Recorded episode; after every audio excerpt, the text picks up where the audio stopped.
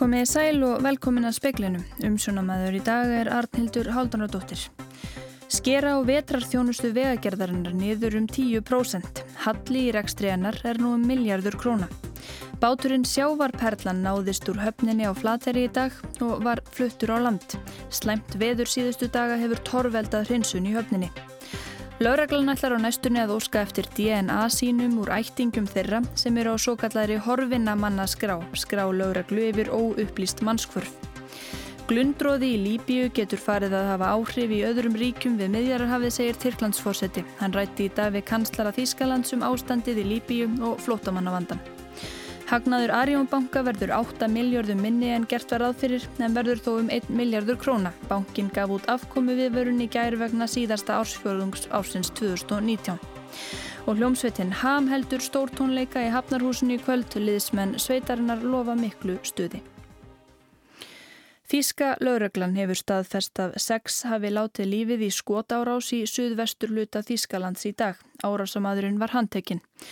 Árásinn var í Rót am See í Baden-Württemberg ekki langt frá borginni Heidelberg. Lóreglann saði á bladamannafundi í dag að árásamadurinn sem er 26 ára gamal hafi sjálfur tilkynnt lóreglu um að hann hafi skotið fólkið. Öll fórnalömpin voru í fjölskyldu árásamannsins meðal hann að spáðir fóreldrarans. Lóreglann gæti ekki upplýst um ástæður árásarinnar. Báturinn Sjávarperlan náðist úr höfninni á Flateri í dag og var fluttur á land. Kjartan Jakob Haugsson, framkvæmdastjóri sjótækni, segir að það hafi gengið vel í dag. Seks bátar slittnuð frá Bryggju og sukku í snjóflóði í síðustu viku og slæmt veður síðustu daga hefur torveldað hreinsun í höfninni. Þetta var fjórði báturinn sem við tekið upp, þannig að það eru, eru tveir eftir ennþá hérna í höfninni. Þannig að það er áallun við leifir að fara í það í næstu viku en það er að koma menn frá tryggingafélagunum eftir helgina. Þannig að þeir munum etta stöðuna og ákvaða með framhaldið. Egið eftir að gera mikið? Það er svolítið vinna við bátinn eðis, stálbátinn stóra sem er hérna í höfninni. Þegar við þurfum að snúa honum og, og við það að snúa hann þá sekkur hann niður á, á uh, sjáabátnin hérna en hann er flítur núna.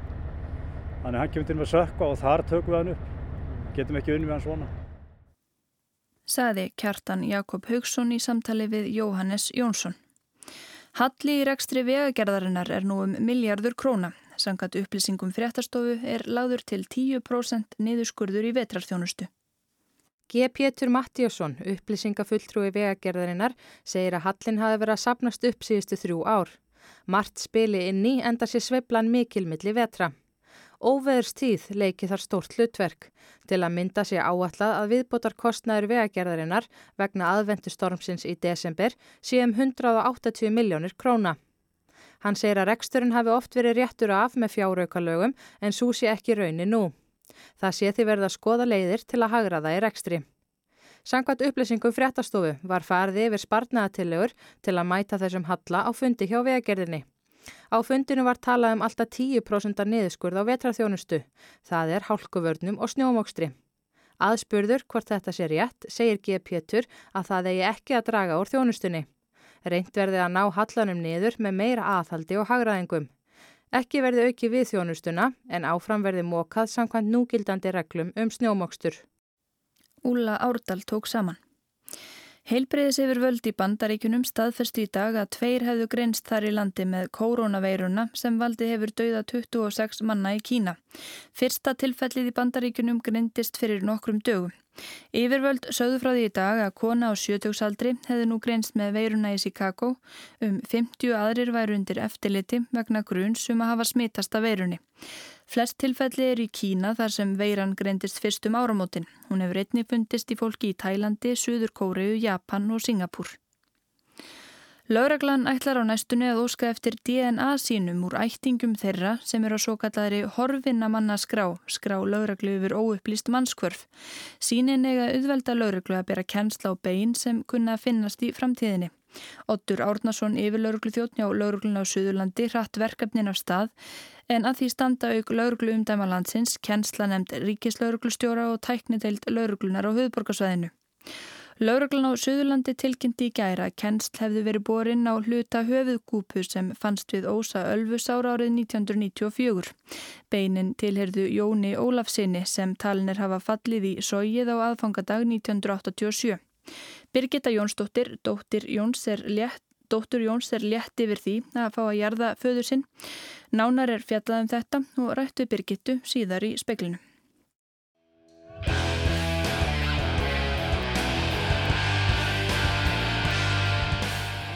Roksveitin Ham heldur stórtónleika í Hafnarhúsinu í kvöld. Tónleikarnir eru hluti af síningunni Chromo Sapiens eftir Hrafnildi Arnardóttur sem var framlag Íslands á Fenea tvíaringnum í fyrra og hefur nú verið sett upp í listasafni Reykjavíkur. Ham skapaði hljóðheim síningarinnar og hefur nú gefið út plötuna Chromo Sapiens. Þetta er sem sagt, uh, þetta eru stórtónleikar. Uh, það er að segja, við ætlum að spila þarna uh, hluta úr þessu verki sem við heyrum hérna aðeins ásamt með gamal kunnura efni. Og já, þetta, verða, þetta verður þetta verður rosalegt. Ég get alveg loðað því. Það er bóndadagur, verða þetta tónleikar fyrir bændur? Já, ekki spurning. Hann Skúli Sverjesson ætlar að koma með okkur og uh, ná þessum hljóðheim sem að, en svona kannski að segja að sé svona drungalegri kannski hliðin á sálarlífi bænda allavega þessari bænda síðan verður bara alvöru bændaball þar sem að menn geta hrist aðeins úr sér óhreinundunar hárinu og svona kannski aðeins skaka sér í takt við gamalkunna tóna.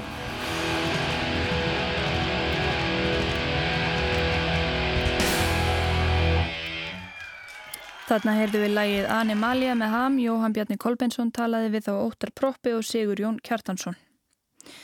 Ástandið í Líbíu og deilur Evrópusambandsins og Tyrkja um flótamenn voru helstu umræðuöfni á fundi Angelu Merkel, kanslara Þískalands og Recep Tayyip Erdogan, fórseta Tyrklands í Istanbul í dag. Tyrkneski fórsetin hvaðast hafa miklar áhyggjur af ástandinu í Líbíu. Erdogan saði í ræðu í dag að ef ekki tækist að læja fljóttöldur í Líbíu kynni það andrónsloft glundróða sem þar ríkti að fara að hafa áhrif í ríkjum allt í kringum miðjarahafið. Hann kvatti til aukins þrýstings á stríseran Khalifa Haftar sem barist hefur gegn stjórninni í Trípoli sem viðurkendir af saminuðu þjóðunum og nýtur stuðningstyrkja. Sveitir Haftars og bandamanna hans ráði við stórum svæðum í austur og söðu hluta Líbíu og njóta stuðnings frá saminuðu arabísku fyrstadæmonum og Egiptalandi.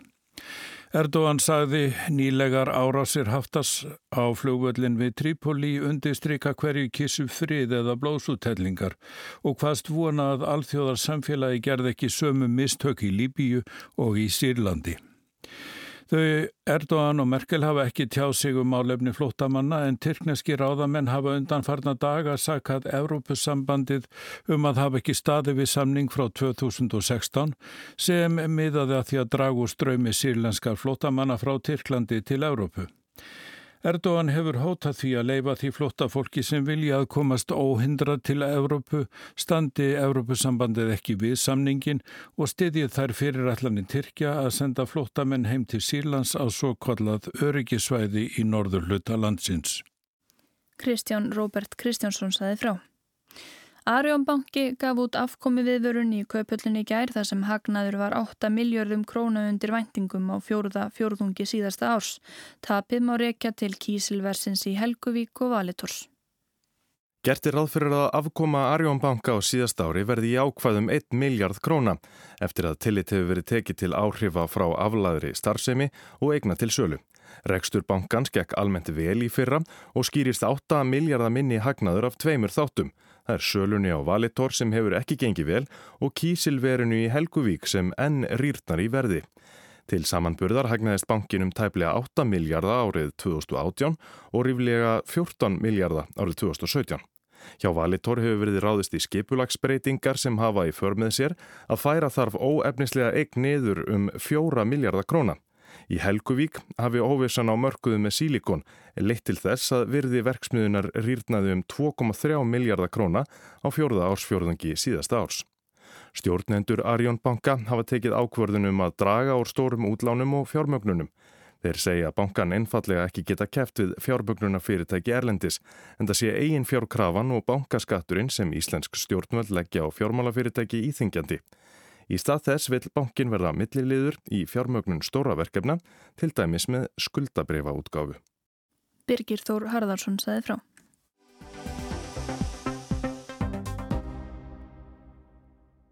Laureglan ætlar á næstunni að óskeftir DNA sínum úr ættingum þeirra sem eru á svo kallari horfinnamanna skrá. Skrá laureglu yfir óupplýst mannskvörf.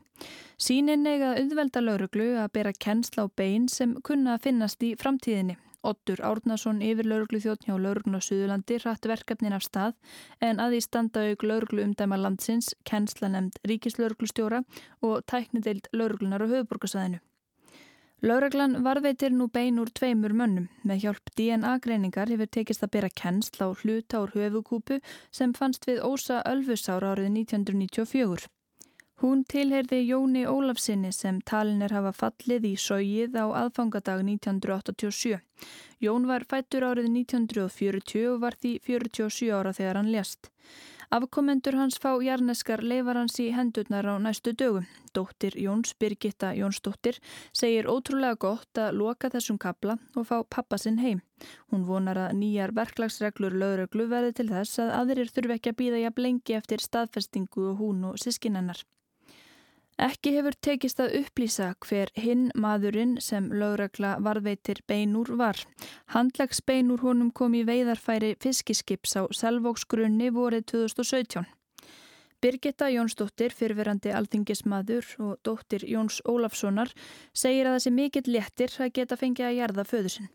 Og þetta er þannig að sorg og missir er ekki eitthvað sem að er Uh, í einhverju tímalínu þannig að það hellist líka ef maður rosalega mikið af tilfinningum, tilfinningar ús í banni og, en það er samt uh, svo rosalega gott að fá uh, svona endanlega staðfestingu og að fá tækifæri til þess að fara í þennan ritual sem að er jarðaför og einhvern veginn loka þessum kabla og, og fá pappa heim einhvern veginn það er bara óslega gott og hérna nú veist, mér langar líka bara að segja þú veist, ég veit að það eru svo mörg mannskvörf ólest og nú tölvast mikið af mannskvörfum sem eru það sem er enn leitt og bara mér langar að segja aðstandandum hvað ég hef þessi hluttekningu gagvart þessu, þetta er, er óslega erfitt og ég, ég skora á heilbyrðisífuvölda að veita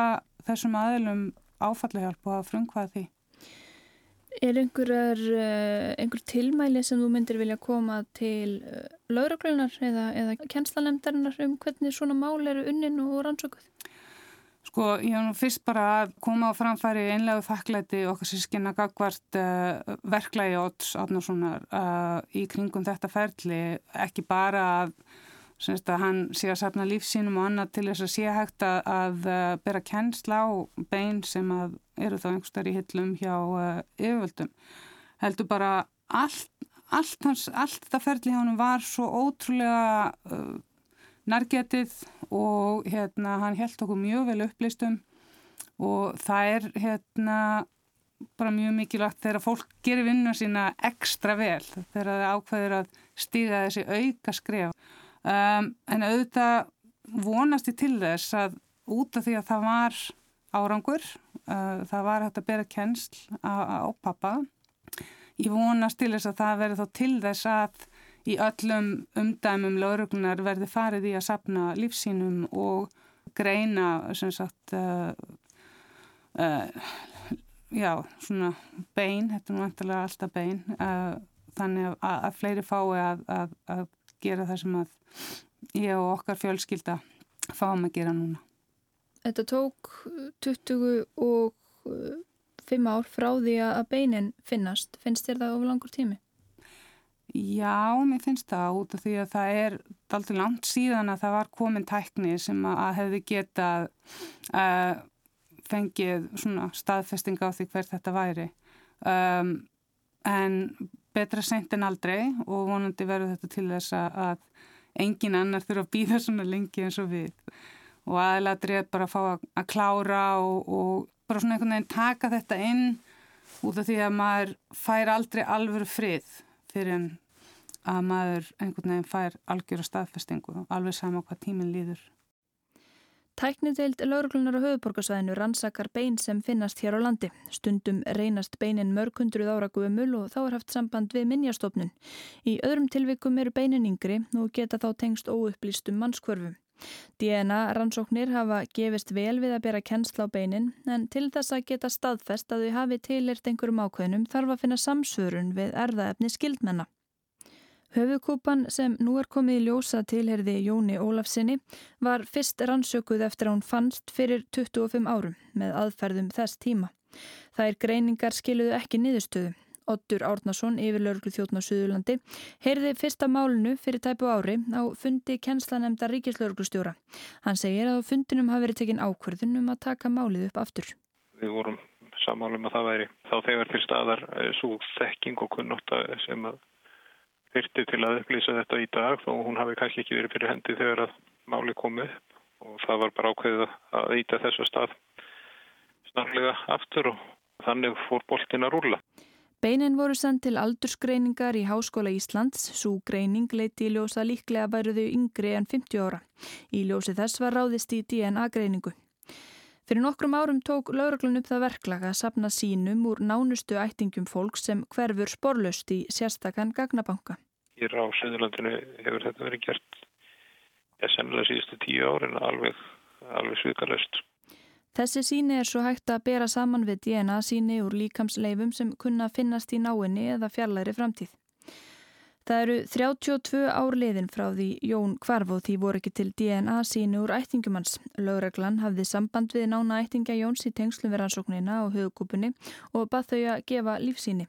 Aðstandendur annara sem horfið hafa á þessum slóðum voru líka beðnir að gefa síni. Ég sko beinir alltaf finnst í hérna í Ölfusonni og við veitum hverjir hafi hafa að fara þar á undarförnum árum niður og e, Þess vegna er kannski eðlilegt að byrja því að leita í DNA snið þeirra sem að en eh, þá vantar þaðan og, og e, fjölskylda Jóns Ólafssonar var ekki svo eina sem að við e, sóttum DNA eða nótum bára sama við, við þetta DNA snið. Það eru, eru fleiri sem að, sem að koma til greina. Sínin frá aðstandendum og síni úr höfukúpunni voru sendt til Svíþjóðar á rannsóknarstofu sem sérum alla DNA-greiningu fyrir íslensku laurugluna. Síni úr ætningunum voru borin saman við DNA-sínin úr höfukúpunni. Það fannst samsörun og laurugluna Suðurlandi greindi ofinbellega frá niðurstöðunni í gær. Nú stendur til að sapna tögum sína frá ættingum fólks á horfina mannalistanum til að auka líkur á því að hægt verði að bera kennsla á bein sem finnast í framtíðinni. Í gagnagrunni kennslanefndar eru 210 mál sem hafa verið skráð sem óupplýst mannskvörf. Einnig eru í sömu skrá 10 Íslandingar sem hafa týnst erlendis og eru ófundnir. Stór hluti málana tengist sjóslýsum Elsta málið í skráni er frá árinu 1930 en um helmingur máluna er frá síðustu fjórum áratugum. Ekki er komið á reynd hvaða verður óskað eftir mörgum sínum frá ættingum en líklega eiga beðrindnar eftir að skipta tögum. Runolfur Þórhaldsson, formaður kennslanefndar og lauruglufulltrúi hjá greiningar til ríkislauruglustjóra segir að það þurfi að greina í hver mörgum málana sé hægt að nálgast slík síni. Þessi greiningavinna er hafin en Runolfur getur ekki gefið upp ákveðna tölu Hann segir koma til greina að óskeftir sínum tengdum allt frá 30 til 150 málum en engum er skilt að gefa síni. Vinnan er þegar farin að staði umdæmi lauruglunar á Suðurlandi. Ottur segir að unni sé að því að afla DNA sína úr aðstandendum allra þeirra sem enn eru ófundnir í umdæminu. Súvinna var raunar hafin áður en höfukúpan sem nú er komið í ljósa tilherði Jóni Ólafsinni var tekin aftur til rannsóknar. Þessari vinnu er líka ólokið á landsvísu. Kjenslanend er að horfa á það séu sé stóra bílun 45-60 einstaklingar sem að eru, eru horfnir og við höfum ekki DNA sniða til að bera saman ef líkanslegar finnast. Ottur segir að aldur beina sem finnast ráðið í hvort þau eru sendi DNA-rannsókn. Ekki hafi verið dregin formleg tímamörk en líklega er það ekki ráðist í rannsóknir á beinum sem reynast vera frá fyrri hluta síðustu aldar eða eldri. Ottur bendir á að ferjustadir hafi verið bæði við laugardæli og arnarbæli og þær getur fundist nokkur hundruð ára gömul bein. Og við myndum ekki fara alltaf það. Það er ekki þannig að kennslanefnd ríkislauruglustjóra eða laurugluna höfuborgarsvæðinu sé með í geimslu fjölda beina sem engin veit hverjum tilherðu. Það er aðeins bein úr einum manni til viðbótar við höfukúpubeinið sem nú er vitað að tilherði Jóni. Það er sagt upphandlisbein sem kemur í veiðarfæri bátsinn og í mægi 2017 ef mann rétt. Það er búið aldrei skreina það bein og það niðurstaðin er að það er semst í nútíma eða má orða svona eins. Þetta er ekki einhverja hundrað ára gamalt. Það er búið að sækja eða finna DNA snið þessa beins. E, það hefur eins og ekki tekist að finna samsvörun í, í hópi þeirra DNA sína sem eru til frá aðstandendum þeirra sem hafa horfið á liðnum árum. Beinir kom í veiðarfæri út við Selvóksgrunn. Lauragla hefur skráða á vef Interpol þar sem það fannst næri alþjóðlegri siglingalið. Og við bendum á að ættingar fólks sem er á skrálaugrlunar yfir óupplýst mannskvörf geta haft samband við Runolf, formann kenslanemdar í gegnum netfangið rls.rls.is til að nálgast frekari upplýsingar um verkefni lauruglunar.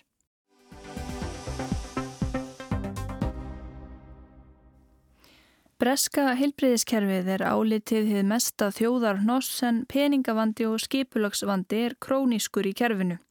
Grunnurinn að breska heilbriðiskerfinu var lagður með lögum árið 1946. Þar með var því líkastlegi förstu að heilbriðistjónustan væri ókeipis fyrir sérkvært sjúkling. Alveg síðan hefur það verið höfuverkur flestra ríkistjórna að halda þessu kerfi gangandi og reyna um leið að greina uppruna vandans hverju sinni. Hvort hann megi bæta með meira fjö, nýju skipulagi eða hvoru tvekja, segir hún Davistóttir. Heilbriðskerfið er svo meittlaði þjóðarvitund breyta að hoppandi sjúklingar, sprækar en þeir eru vennilega á spítölum og dansandi hjúkurnafólk voru liður í opnunarháttíð Olimpíuleikana í London 2012 við þessa líka dillandi tónlist. Þegar breytar kynna sig fyrir umheiminum verður að nefna heilbriðskerfið National Health Service, skamstafað NHS. Síðan stjórnverkamannaflokksinn setti lög um heilbriðskerfi 1946 telur flokkurinn sig hinn eina sanna verðdaraðess. Grunnatriði var ókeipisleiknisjónusta fyrir alla fjármögnuð með skattekjum og þannig er það enn hægt að fara til heimilisleiknis eða leggjast á sjúgrás á þess að opna veskið. Einu undatekningarnar eru livsæðlar, þeir greitir í livjabúðum, sjónpróf, tannviðgerðir og í ákverðum tilvikum langtíma umönnun til dæmis fyrir allsamarsjúklinga. Útlendingar sem eru ekki búsettir í Breitlandi borga fyrir heilbriðsjónustu líkt og gerist á Íslandi. Það leið þó ekki á löngu áður en deilur um framlög til heilbriðskerfisins urðu fastur liður í breskum stjórnmálum. Þetta kerfi sem landsmenn og þá líka stjórnmálamenn tjá sífælt dálæti sitt á er í króniskum krökkum. Og spurningin sem heyrist í sífællu er hvort það vanti í alvöru aðeins pening eða hvort kerfið sé lasið. Óminna þessari umræðu mátti heyra 1987 í viðtali við íhalsleittóan Margaret Thatcher sem að þá hafi verið við völd í 8 ár. Þrátt verir að hún hefði að eigin mati sett heilmikið fjö í heilbriðskerfið höfðu barnalæknar harlega gaggrindana. Það vantaði pening til að sinna bráðsjúkum börnum og fjárskorturinn byrtist í hárri dánartíni þeirra. Extra money has been made available and is continuing to be made available. But just remember what they said 10 years ago. We had no difficulty in believing the National Health Service could take up the whole of the national income. Of course it can't. Það sér nýtti á að þessi þjónusta hefði þegar fengið auka framlög sem myndu haldast. En það mætti rifja upp að fyrir tíu árum hefði heyrst að heilbriðskerfið gæti nýtt allar þjóðartekjurnar. Það gengi auðvitað ekki, saði það sér. Thatcher stóð fyrir stórfældri engavæðingu ríkisumsvifa, ekki þó í heilpríðskerfinu, en spór í þessa átt var innri markaður kerfisins þar sem hinn er einstöku hlutar þess gáttu verslað innbyrðis til að skapa skilvirkni og spara fjö. Þegar verkamannaflokkurinn undir fórustu Tony Blairs tóku stjórnantaumunum 1997 var eitt lovorðið að afnema þennan innri markað en í staðis að afneman var markaðskerfið þróað áfram í þessa átt engareksturs. Kerfið sjálft byggðist og byggist enn að hluta á engareknum einingum. Kerfið borgar þá þjónustu sem fyrr ókipis að nota heilbriðsjónustuna. Á þessum fyrstu stjórnar árum Blairs urðu bygglistar hinn króniski vandi og glíman við fjö og bygglista viðkvæði í umræðinu eins og heyra mátti í orðum Blairs 1998. This new Labour government will rebuild the National Health Service and prove again that it can be done. More money, less waiting, higher quality treatment, cutting the red tape, modern services, new hospitals. That is our plan for the health service. Nýja stjórnin ætlaði að endurbyggja heilbriðskerfið sem flokkurinn hafi innleitt í upphafi. Blair lofaði meira fjö, skemmri byð, betri læknisjónustu, færri tálmandi reglum, nútímalæri þjónustu og nýjum sjúkrahúsum. Stjórnarár verkamannaflokksins einkendust af sífældri tilraunastarðsemi og þó einni í heilbriðskerfinu. Það var skorið upp svo ótt og títt að starfsfólk kvartað undan að það veittist ekki einu sinni tími til að sannreina breytingarnar áður en næsta breytingarreina dundi yfir. Og tölvuvæðing heilbriðskerfisins var samfelt og hreikalega dýr rakvallasaga. Þegar verkamannaflokkurinn tapaði stjórnantaumanum í kostningum 2010 var David Cameron leiðtói íhalsflokksins fórsetsráðura.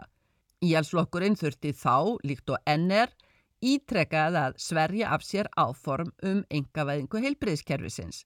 Cameron taldi sig hafa sérstakt tilkall til trúverðuleika sem verðar í kerfisins. Hann hafi mist langveikt barn eins og hann vekaði í flokkstingsræðu 2014. This is personal. I'm someone who has relied on the NHS and whose family knows more than most just how important it is. Who knows what it's like when you go to hospital night after night with a sick child in your arms, knowing that when you get there, there were people who will love that child and care for that child just as like it was their own. And how dare they suggest I would ever put that at risk for other people's children? How dare they frighten those who rely on a national health service? Kerfið var Cameron hjartans mál, hann og fjölskyldans hefði þurft á heilbriðiskerfinu að halda umfram flesta. Hann vissi því að þegar komið væri með veikt barn nótt eftir nótt, þá væri þar fólk sem tæki barninu sem sínu eigin. Hvernig dyrðist fólk að segja að hann myndi nokkur sinni stefna þessu kerfi í hættu fyrir annara mannabönn eða ræða þá sem reytur sig á heilbriðiskerfið? Sem sikursíki sjúklingur taldi artakinn Teresa May sig líka sérstakann bandamann kerfisins. Íhalsflokkurinn er enn við stjórn og Brexit nú nýja viðbótinn í heilbriðisumræðina. Í þjóratkvæðagreislunni 2016 um ESB aðild lofaði Boris Johnson nú forsætsráþra því óspart að Brexit ávinningurinn rinni óskiptur í heilbriðskerfið. En það loford heyrist vart lengur. Í áramótakveðjunni lofaði fórsatsráðara að þessi stjórn fólksins myndi sinna forgangsmálum fólksins og heilbriðskerfið fengi nú mestu fjár inspýtingu nokkru sinni. As the people's government, delivering the people's priorities, boosting the NHS with the biggest cash ingestion in its history, Orð fórsætsráðra um að heilbriðiskerfið hafi aldrei fengið meira fjö eru reyndar misvísandi en kerfið forgangsmál sem fyrr. Kostnaður breska heilbriðiskerfið sem hlutfall af landsframleiðslu 2018 var 9,8%, samanborið við 8,3% á Íslandi, rétt neðan við OECD meðaltalið sem er 8,8%. Í meir en halva öll tefur breska stjórnaranstaðan á hverjum tíma almennt barið á sitjandi stjórn fyrir að leggja heilbriðskerfinu heittelskaða til ónóan pening. Meðan stjórnarherrarnir telja að nei, peningar leysi ekki allan vandan, kerfi þarnist lækningar án þess að sjúkdómsgreining fylgi. Byðlistavandin, þessi króniski vandi í áratugi, hefur að hluta verið leistur með engatryggingum. Vel stætt fólk með tryggingar, kaupir aðgerðir, þeir ótryggðu hýma á byðlistum. Samt eru stjórnmálamenn úr öllum flokkum merkilega samtaka um að nefn ekki að í raun er þessi þjóðargersemi ókipis heilbriðiskerfi fyrir alla orðin að tvískiptu heilbriðiskerfi þar sem engavætti hlutin veitir liprari þjónustu gegn borgun.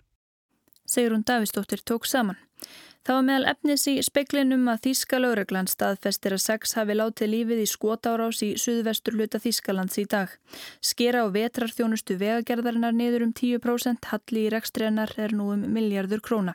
Báturinn sjávarperlan náðist úr höfninni á flatir í dag, slæmt veður síðustu daga hefur torveldað hreinsun í höfninni. Glundróði í Líbíu getur farið að hafa áhrif í öðrum ríkum við miðjararhafið, þetta segir Tyrklandsforseti. Veðurhorfur norðaustan kvassviðri eða stormur í nótt með snjókomu eða jæljum, áfram stormur norðvestan til á morgun en annars hægari. Snjókoma og síðast litta eða rigning og hlínar en lægir og stittur upp senta morgun fyrst sunnan til. Það voru ekki fleira í spekli kvöldsins, Mark Eldredd sendi út, verið sæl og góð helgi.